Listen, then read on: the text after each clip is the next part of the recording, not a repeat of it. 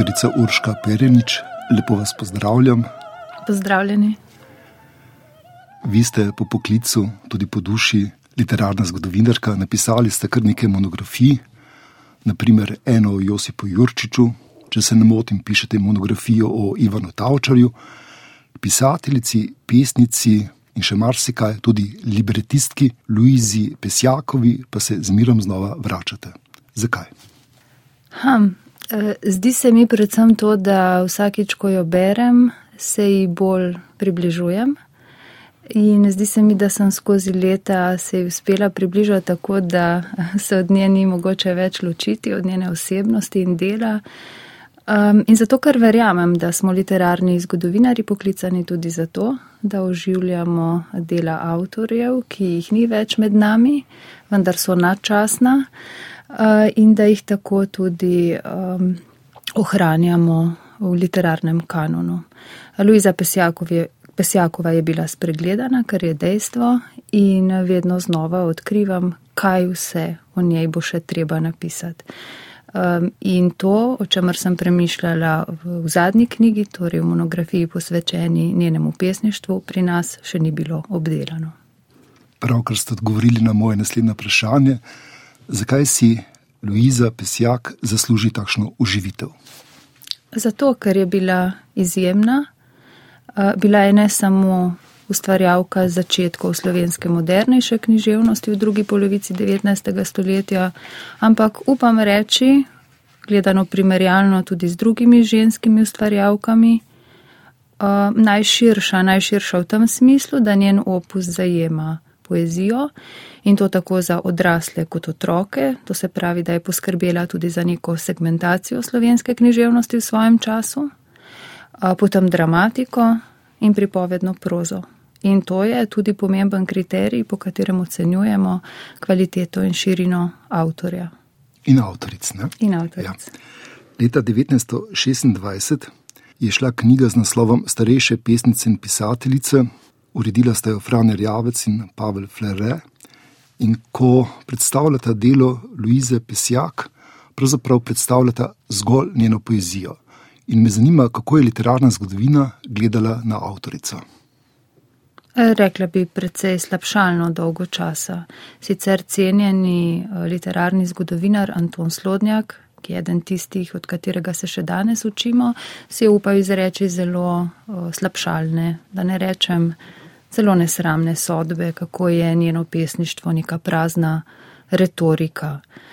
Um, šele pozneje, Eh, pa tu ni šlo toliko za poezijo, pač pa za pripovedno prozo, je bila pa nekako, kako naj rečem, bolj neutralno obravnavana v nekem širšem kontekstu tudi trivialne literature oziroma ženskega romana. Eh, tu mislim zlasti na literarno-zgodovinske dosežke tudi svojega profesorja Mirana Hladnika, um, ki pa je še več pozornosti, se mi zdi, posvetil uh, Pavlini Pajkovi.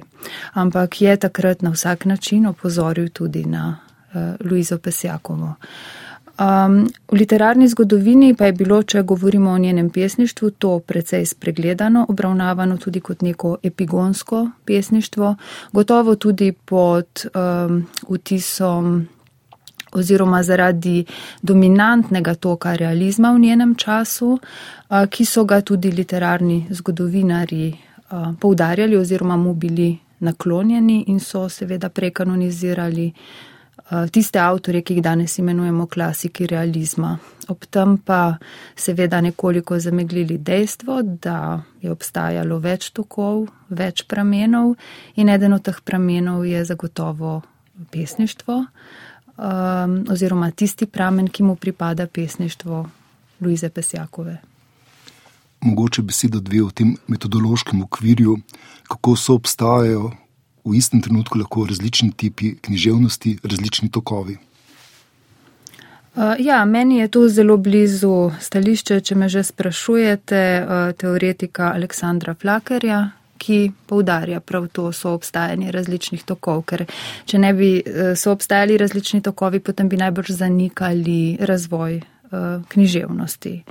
Um, je pa res, da si v vsaki dobi kak tok izbori svojo dominantno pozicijo. In v drugi polovici 19. stoletja, to je tudi splošno poznano dejstvo v slovenski literarni zgodovini, so bile nekako vse moči tudi programsko, če pomislimo na Levstikov program, upirjene v to, da se razvije eh, in da se na nek primeren nivo, to se pravi na tisti nivo, na katerega je preširen povzdignil poezijo, povzdigne tudi uh, pripovedno prozo. In tu je seveda um, svoje zasluženo mesto na vsak način dobil Jurčič, pa potem njegovi nasledniki, gotovo prvi pravi uh, in po mojem edini pravi naslednik potem Tavčarane.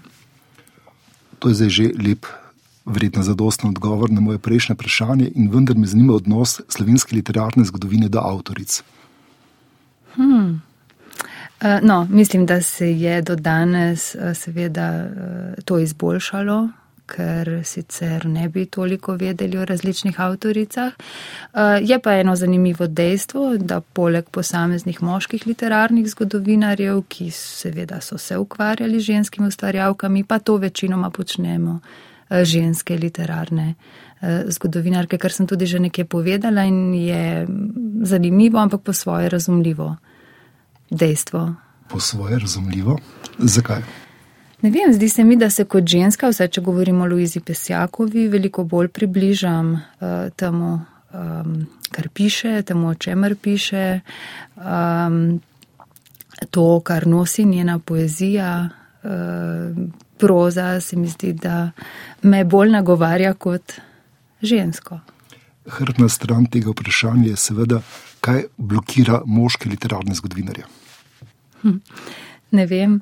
Eh, pri Luizi Pesjakovi se mi zdi, da je ta sama tematika, s katero se, sem se tu veliko ukvarjala, res bolj pisana na kožo ženskam. Pri tem nekako ustrajam. No, materinstvo je tisto, česar si Luiza Pesjakova ne pusti vzeti, je na to zelo ponosna, zraven je pa ponosna ustvarjavka in ona to dvoje uh, tako sjajno združuje. Um, Sej gotovo, uh, moški lahko to tudi berejo, ampak se vam ne zdi, da s tem bolj nagovarja vendarle žensko obravstvo. Morda je ena izmed vlog književnosti tudi, da nam približa drugega drugo. Seveda, drugostojost je um, v literaturi na vsak način pomembna, ampak ne znam si potem drugače pojasniti dejstva, zakaj so jo vse skozi tako uh, obravnavali. No, Gotovo je še en razlog ta, da je izstopala po svoji provenienci, da je bila tako drugačna od večine uh, slovenskih ustvarjalcev in potem tudi literarnih zgodovinarjev. Tu mislim seveda na uh, kmečko poreklo večine tedanjih ustvarjalcev, ki so se jasno z izobrazbo povzdignili v nek višji sloj in postali neki izobraženski meščani. Ona je bila pa um, pravzaprav od njih zelo drugačna in um, so na njo tudi zdi se mi tako gledali, no, to je tudi na različne načine izpričano. Uh, gotovo tudi gre za odnos do meščanstva ne? uh, in tu ni bilo neke naklonjenosti tudi pozneje. K tej temi se bo verjetno še vrnila. Še to me zanima. Kakšno mesto imajo čustva v njenem literarnem opusu, v njeni poeziji? Zelo pomembno. Um, če govorimo o tej poeziji, s katero sem se na zadnje ukvarjala, potem je zagotovo čust, materinsko čustvo izvir vsega tega, o čemer piše. In je zagotovo to tudi močno autobiografsko zasnovano. Seveda tu ne želim enačiti uh, tistega, na kar opozarjam v literarni teoriji avtorja in uh, pesniškega subjekta, pa vendar mislim, da te poezije ni mogoče razumeti, brati, čutiti. Mimo tega, kar je ona bila, zato se mi zdi nujno. Eh, se približati tudi osebnosti, življenju osebnosti. In zdi se mi, da če to dobro razumeš, potem lahko dobro razumeš tudi to, o čemer piše. To je nujno.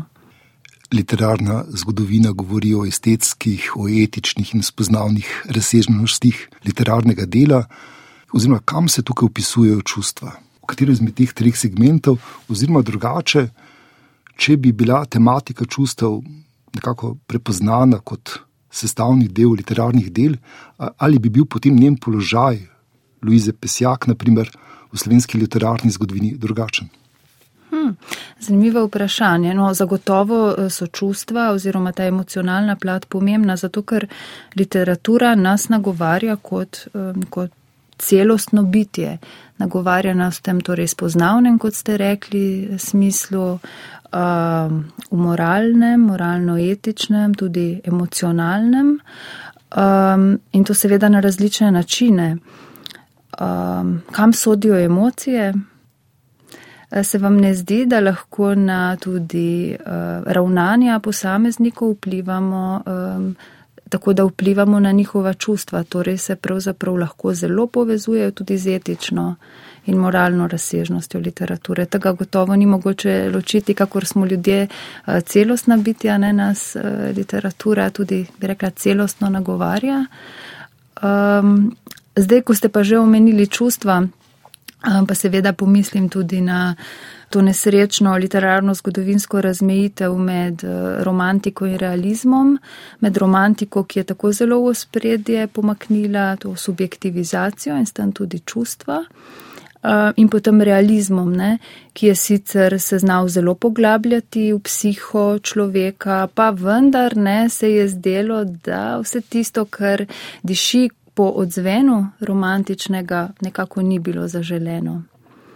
Um, in najbrž je tudi tu še eden od razlogov, o katerih se sprašujeva, uh, to uh, gledanje na uh, literaturo, se pravi v tem progresivnem smislu, ne, da mora biti potem naslednje obdobje nekakšna uh, opozicija uh, predhodnemu. Ne. Namigujem na to valovanje ritmov, se pravi na nek odklon od prejšnjega in tu je Pesjakova tudi s svojimi čustvi in svojim načinom eh, delovala mogoče zapoznelo, neaktualno, drugače pač od tistega, kar je eh, bilo sočasno eh, zaželeno, torej v času, ko je ustvarjala.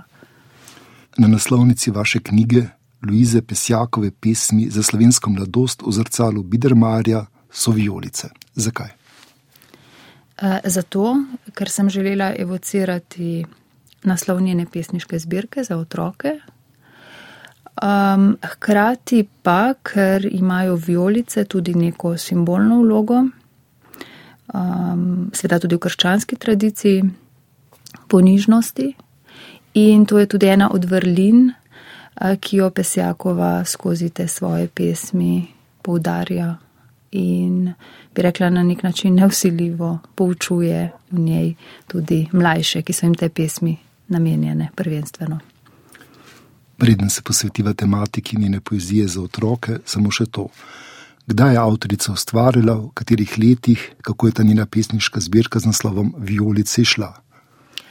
Torej, to je bilo v 80-ih letih, tako rekoč gre za zadnje desetletje njenega ustvarjanja, čeprav je treba vedeti, da so te pesmi nastajale daljši čas e, in sicer od začetka 70-ih let, pa tudi nekaj že prej, mislim na njene rokopisne zvezke. No, ampak v 70-ih letih je ona stopila um, v časopis za slovensko mladino Vrtec, spomenljivim naslovom tudi, ki ga je urejal uh, Ivan Tomšič in tam začela objavljati slovenske pesmi. Ni pa to tako enostavno, to tudi zapišem v knjigi, kako se ta njena poezija poraja v spoju slovenske in nemške jezikovne kulture, ker ona dejansko usporedno pesni v obeh jezikih in potem imamo posamezne pesmi v obeh verzijah. Včasih nastane najprej pesem v slovenščini, na to prelije v nemščino in obratno. Ampak gre za torej to zadnjo tretjino, če upoštevamo čas, ko je začela objavljati pa do takrat, ko so pesmi išle. Zadnjo tretjino 19. stoletja. Torej.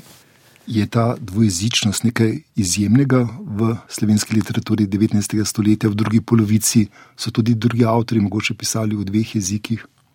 Ja, bi rekla, da ni nič izjemnega.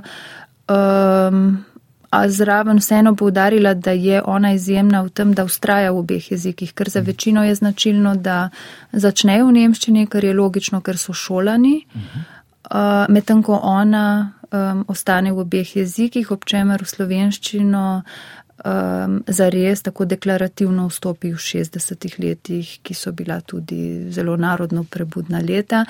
Ko se začne sistematično učiti slovenščine s svojimi hčerkami in ko, tako zapiše sama, spozna uh, miloglasnost tega jezika, uh, ki mu je bila pa vse čas naklonjena, ker je bil to tudi jezik, ki so ga govorili doma, poleg nemščine, francoščine, pa najbrž še kakega jezika.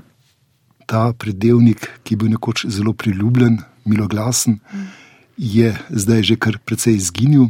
O čem piše pesnica v svoji zbirki Violice? Kakšne teme obravnava, kako jih opisnjuje? Torej, eh, glavne teme, ki jih obravnava, so narava, to je osrednja tema, družina eh, in pa potem družba. Eh, tu mislim predvsem na njene pesmi, ki so ne samo krščansko vzgojene, ampak tudi narodno vzgojene in s katerimi otroka pravzaprav pripravlja na vstop v družbo iz tega varnega zavetja družine. Prej ste omenili njeno meščansko poreklo, se tudi to poreklo kako manifestira v njeni poeziji za otroke? Ja, zagotovo. Motiviki, to je najbrž uh, najbolj opazno. Tudi v miljeju, ki ga lahko prepoznamo v teh pesmih. Seveda ne gre za dogajalni prostor kot pripovedni prozi, ampak vendarle lahko razberemo, da gre za neko meščansko okolje. Zagotovo tudi pri vzgajanju meščanskih vrednot in um, obnašanja, redoljubnost, tudi preprostost, asketskost spoštovanje tudi staršev, ta odnos do staršev, do meščanske matere in očeta, mm, vrednost izobrazbe, delavnost. Vse to so neke vrline, ki so pravzaprav pomembne, da otrok tudi uspe ne, in si nekako izbori svoje mesto pod soncem, ko bo odrastel, da bo pripravljen za vstop v to buržoazno, bi rekli, družbo kaj so bili vzgibi za njeno pesnjenje? Zgolj želja, da nekako vzgoji svoje otroke, imela jih je kar nekaj, hčera, ne? ali pa morda tudi neke vrste programska želja, da bi bili njeni rojaki pripravljeni na svet, v katerega vstopajo. Oboje, zagotovo. Jaz bi rekla, da je izvir eh, njenega pesnjenja, je zagotovo to njeno pristno materinsko čustvo, kar večkrat pove in zapiše. In eh, seveda, ko spremljamo, eh, sledimo genezi teh njenih pesmi, ugotovimo, kako najprej pesni namensko eh, in se obrača na svoje hčerke. Tu bi omenila mogoče samo cikl pesmi, ki jih je posvetila vsaki posebej, ne, vsem petim hčerkam. Potem, ko pa seveda vstopi v časopis in sistem zagotovi neko širšo publiko, jo pravzaprav uh, po deseteri, po stoteri, um, pa se jasno obrača tudi na otroke in uh, druge otroke, vse otroke in jim namenja to skrb, ampak preko otrok v bistvu tudi na odrasle, ker odrasli so tisti, ki ponavadi berejo z mlajšimi in jim seveda polaga na dušo Eh, te svoje vrednote. Eh, zelo izrazita je pa pri njej tudi ta narodno eh, prebudna funkcija in seveda to kaže na njeno, um, ja, prej ste rekli programskost, ne v to usmerjenost v družbo, v skupnost, ne v širši kolektiv.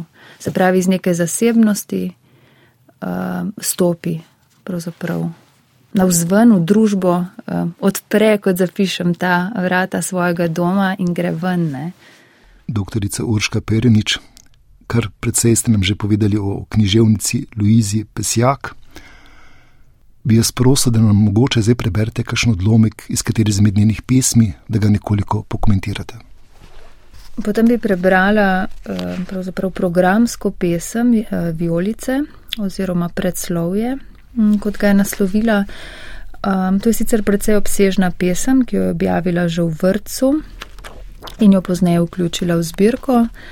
To pa zato, ker v njej pove, um, da so te violice, torej violice prispodabljajo njene pesmi za otroke in bi rekla tudi odrasle, znamenje njene žive ljubezni do njih.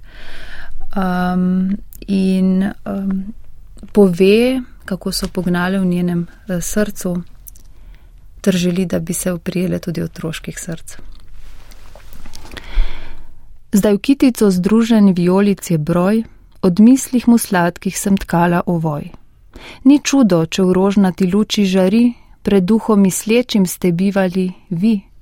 In kar najgorkejših željaja zgojim, svetlicami dragi zdaj vam jih svetim. To kitico nate, izbirajte cvet, ki srečo povekša mladostnih vam let. Iz duše izveste poljublja vas vsak, ker žive ljubezni do vas mi je znak. Najslednji se vašega prime srca, saj veste, da bil je v srci doma. A pazite na nj mi proseča želim, kadar pod violic gredico zaspim. Doktorica Urška Pernič, hvala vam za branje odlomka iz te pesmi. Tisto, kar je tudi zanimivo, da je pesnica pisala tudi za odrasle. In njena pesem v slovenskem jeziku je pravzaprav programska pesem. In tisto, kar je zanimivo, da na najvišje mesto postavlja jezik. Ja, jezik kot uh, identifikacijski element, kot tisto, skozi kar smo obstali. Vse to so splošno znana dejstva, pa se mi zdi, da preveč ponavljam, ampak um, to je res jezik, uh, v katerem je ona očitno čutila in um, zares srcem pisala in ga nikoli um, zapustila in tudi na področju uh, pripovedne proze je seveda svoje najpomembnejše delo zapisala v jeziku. Um, zanimivo pa je, da ko govori o jeziku, o odnosu do jezika, mladim za zgled postavi Levstika, Levstika, ki sicer ni bil preveč naklonjen, vemo nekaj malega, da naj bi popravljal njene tekste, pa eh, ni nič ohranjenega v zvezi s tem, ampak ona ga postavi kot svetov zgled, kot nekdo, ki naj ga spoštujejo in se ga spominjajo prav zaradi odnosa do jezika.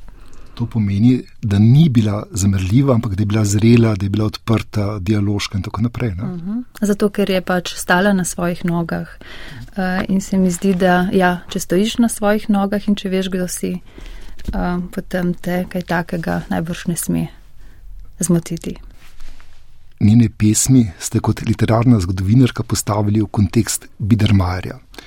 Zakaj ta odločitev, kako jo utemeljujete? V bistvu sem se za to pogumno odločila, V slovenski literarni zgodovini nimamo resnejše oziroma bom rekla obsežnejše obravnave o tem. Morda bi tu izpostavila um, Janka Kosa, ki je to vprašanje Bidermajerja načel v nekem drugem kontekstu, preširno, pa potem Katarino Bogataj Gradišnik, ki se je s tem vprašanjem ukvarjala ob stritarju. Ampak mene je dejansko zbudila pozornost pri uh, Luizi uh, ta njena upodobitev, njen portret Bidermajerski in to mi je porodilo vprašanje, kako je mogoče, da nismo pomislili na to, da so v bistvu Bidermajerske njene uh, uh, pesmi.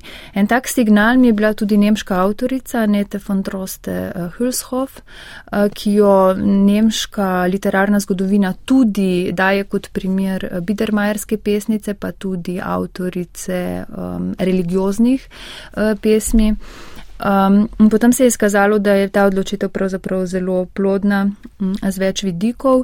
Um, jaz sem skušala ta Bidermajer res obravnavati na več nivojih, se pravi v, v smislu nekega sloga in te ornamentalike uh, njenih pesmi, kakor tudi uh, tematsko, o čemer sva prej govorila in seveda tudi sporočilno. In vse te glavne teme, ki jih ima, um, torej te glavne značilnosti Bidermajerja so se tu res. Um, pokazali. Bi pa upozorila na to, da se Biedermeier v različnih uh, literarnih kulturah zelo različno manifestira. Um, da nimo nemški Biedermeier, uh, se mu zelo lepijo znake konzervativnosti, apolitičnosti, um, meščanskega, družinskega, medtem ko je denimo Biedermeier v avstrijskem prostoru, če vzamemo tudi našega Anastazijusa Grüna, precej drugačen, mogoče malo bolj borben. In Luiza Pesjakova se mi zdi pa, da je tu nekje vmes, ne? ker čeprav je zelo zaprta v to zavetje družine in zelo poudarja to meščansko z družino, naravo, se vendarle na koncu, kot sem prej povedala, tudi odpre in stopi v družbo. In se mi je zdel to en tak sijajen uh, spoj. Obojega, neka taka posebna manifestacija Bidermajerja in to povrh vsega še v literaturi namenjeni otrokom. Doktorica Urška Perenič, že kar nekaj minut, ko se pogovarjava, imavaš nek dolg odprej in sicer omenili ste njene socialne, družinske korenine. Kje je Luiza Pesjak odraščala, čigava sorodnica je bila, kako je ta socialni milje mogoče prispeval k njeni samozavesti? Um, rasla je, bi rekla, v zelo uh, zglednih okoliščinah, ali precej zglednih okoliščinah. Bila je hči Blaža Krobata, ki je popularni zavesti poznan kot uh, delodajalec uh, in prijatelj Franceta Preširna. Um, širše poznano je tudi, um, da je bil Preširn njen učitelj, domači učitelj, ki jo je poučeval v jezikih, v zgodovini. Um, rasla je v Ljubljani um, in sicer um, v Križevniški ulici, uh, današnji, pa živeli so tudi v hiši, kjer je danes glavna pošta v Ljubljani. Zakaj to govorim? Povedati hočem, da je živela v središču takratnega kulturnega dogajanja, samo streljaj stran je bila kazina, kamor je veliko zahajala kot mladenka na razne plese in pa seveda stanovsko gledališče. Um, kjer je lahko spremljala takratno dramsko produkcijo, um, tako da je bila zelo upeta uh, v to kulturno življenje v narodni prestolnici. Takrat, ki seveda ni bila velika, ne mogoče samo za predstavo, mislim, da je Ljubljana tisti čas štela 12-13 tisoč prebivalcev, ampak kljub temu za takratne razmere je bilo to neko središče. Umenili ste vse dve lokaciji, kjer je živela, ali so na teh zgradbah mogoče kakšno obeležje, da je tam živela pesnica? Eh, ne, torej v Ljubljani imamo ulico, eno precej, bi rekla, neugledno, ki se imenuje po njej, mislim, je zelo kratka, mm. sicer v središču, um, sicer pa ne, uh, ne vem za nobena taka uh, obeležja. Je čas um, za kakšno obeležje? Najbrž ja. Naslednja prilika bo, ker tako radi slavimo obletnice tisoč, torej 2028. Eh, ker ona se je namreč 1828. rodila in mislim, da bo to lepa priložnost za to. Upam, da bo to priložnost mesto izkoristilo, pa še kakšno društvo. Še zadnje vprašanje za vas. Prej sem omenil, da se vračate k avtorici Kluzi Pesjak. Kako boste nadaljevali preučevanje njenega dela opusa? Imate že kakšne načrte? Ja, imam veliko načrtov. Uh, odločam se med možnostjo, ali bom nadaljevala spet s pripovedništvom.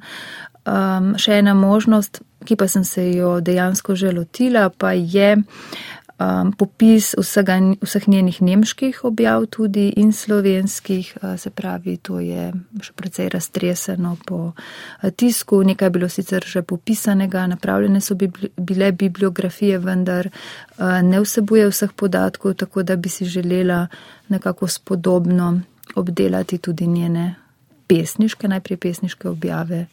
In to v celoti, um, ker sem rada neselektivna za odrasle. Doktorica Urška Perinič, hvala za vašo znanstveno monografijo Luize Pesjakove pesmi za slovensko mladost v zrcalu Bidermajerja in hvala za pogovor. Hvala vam. thank you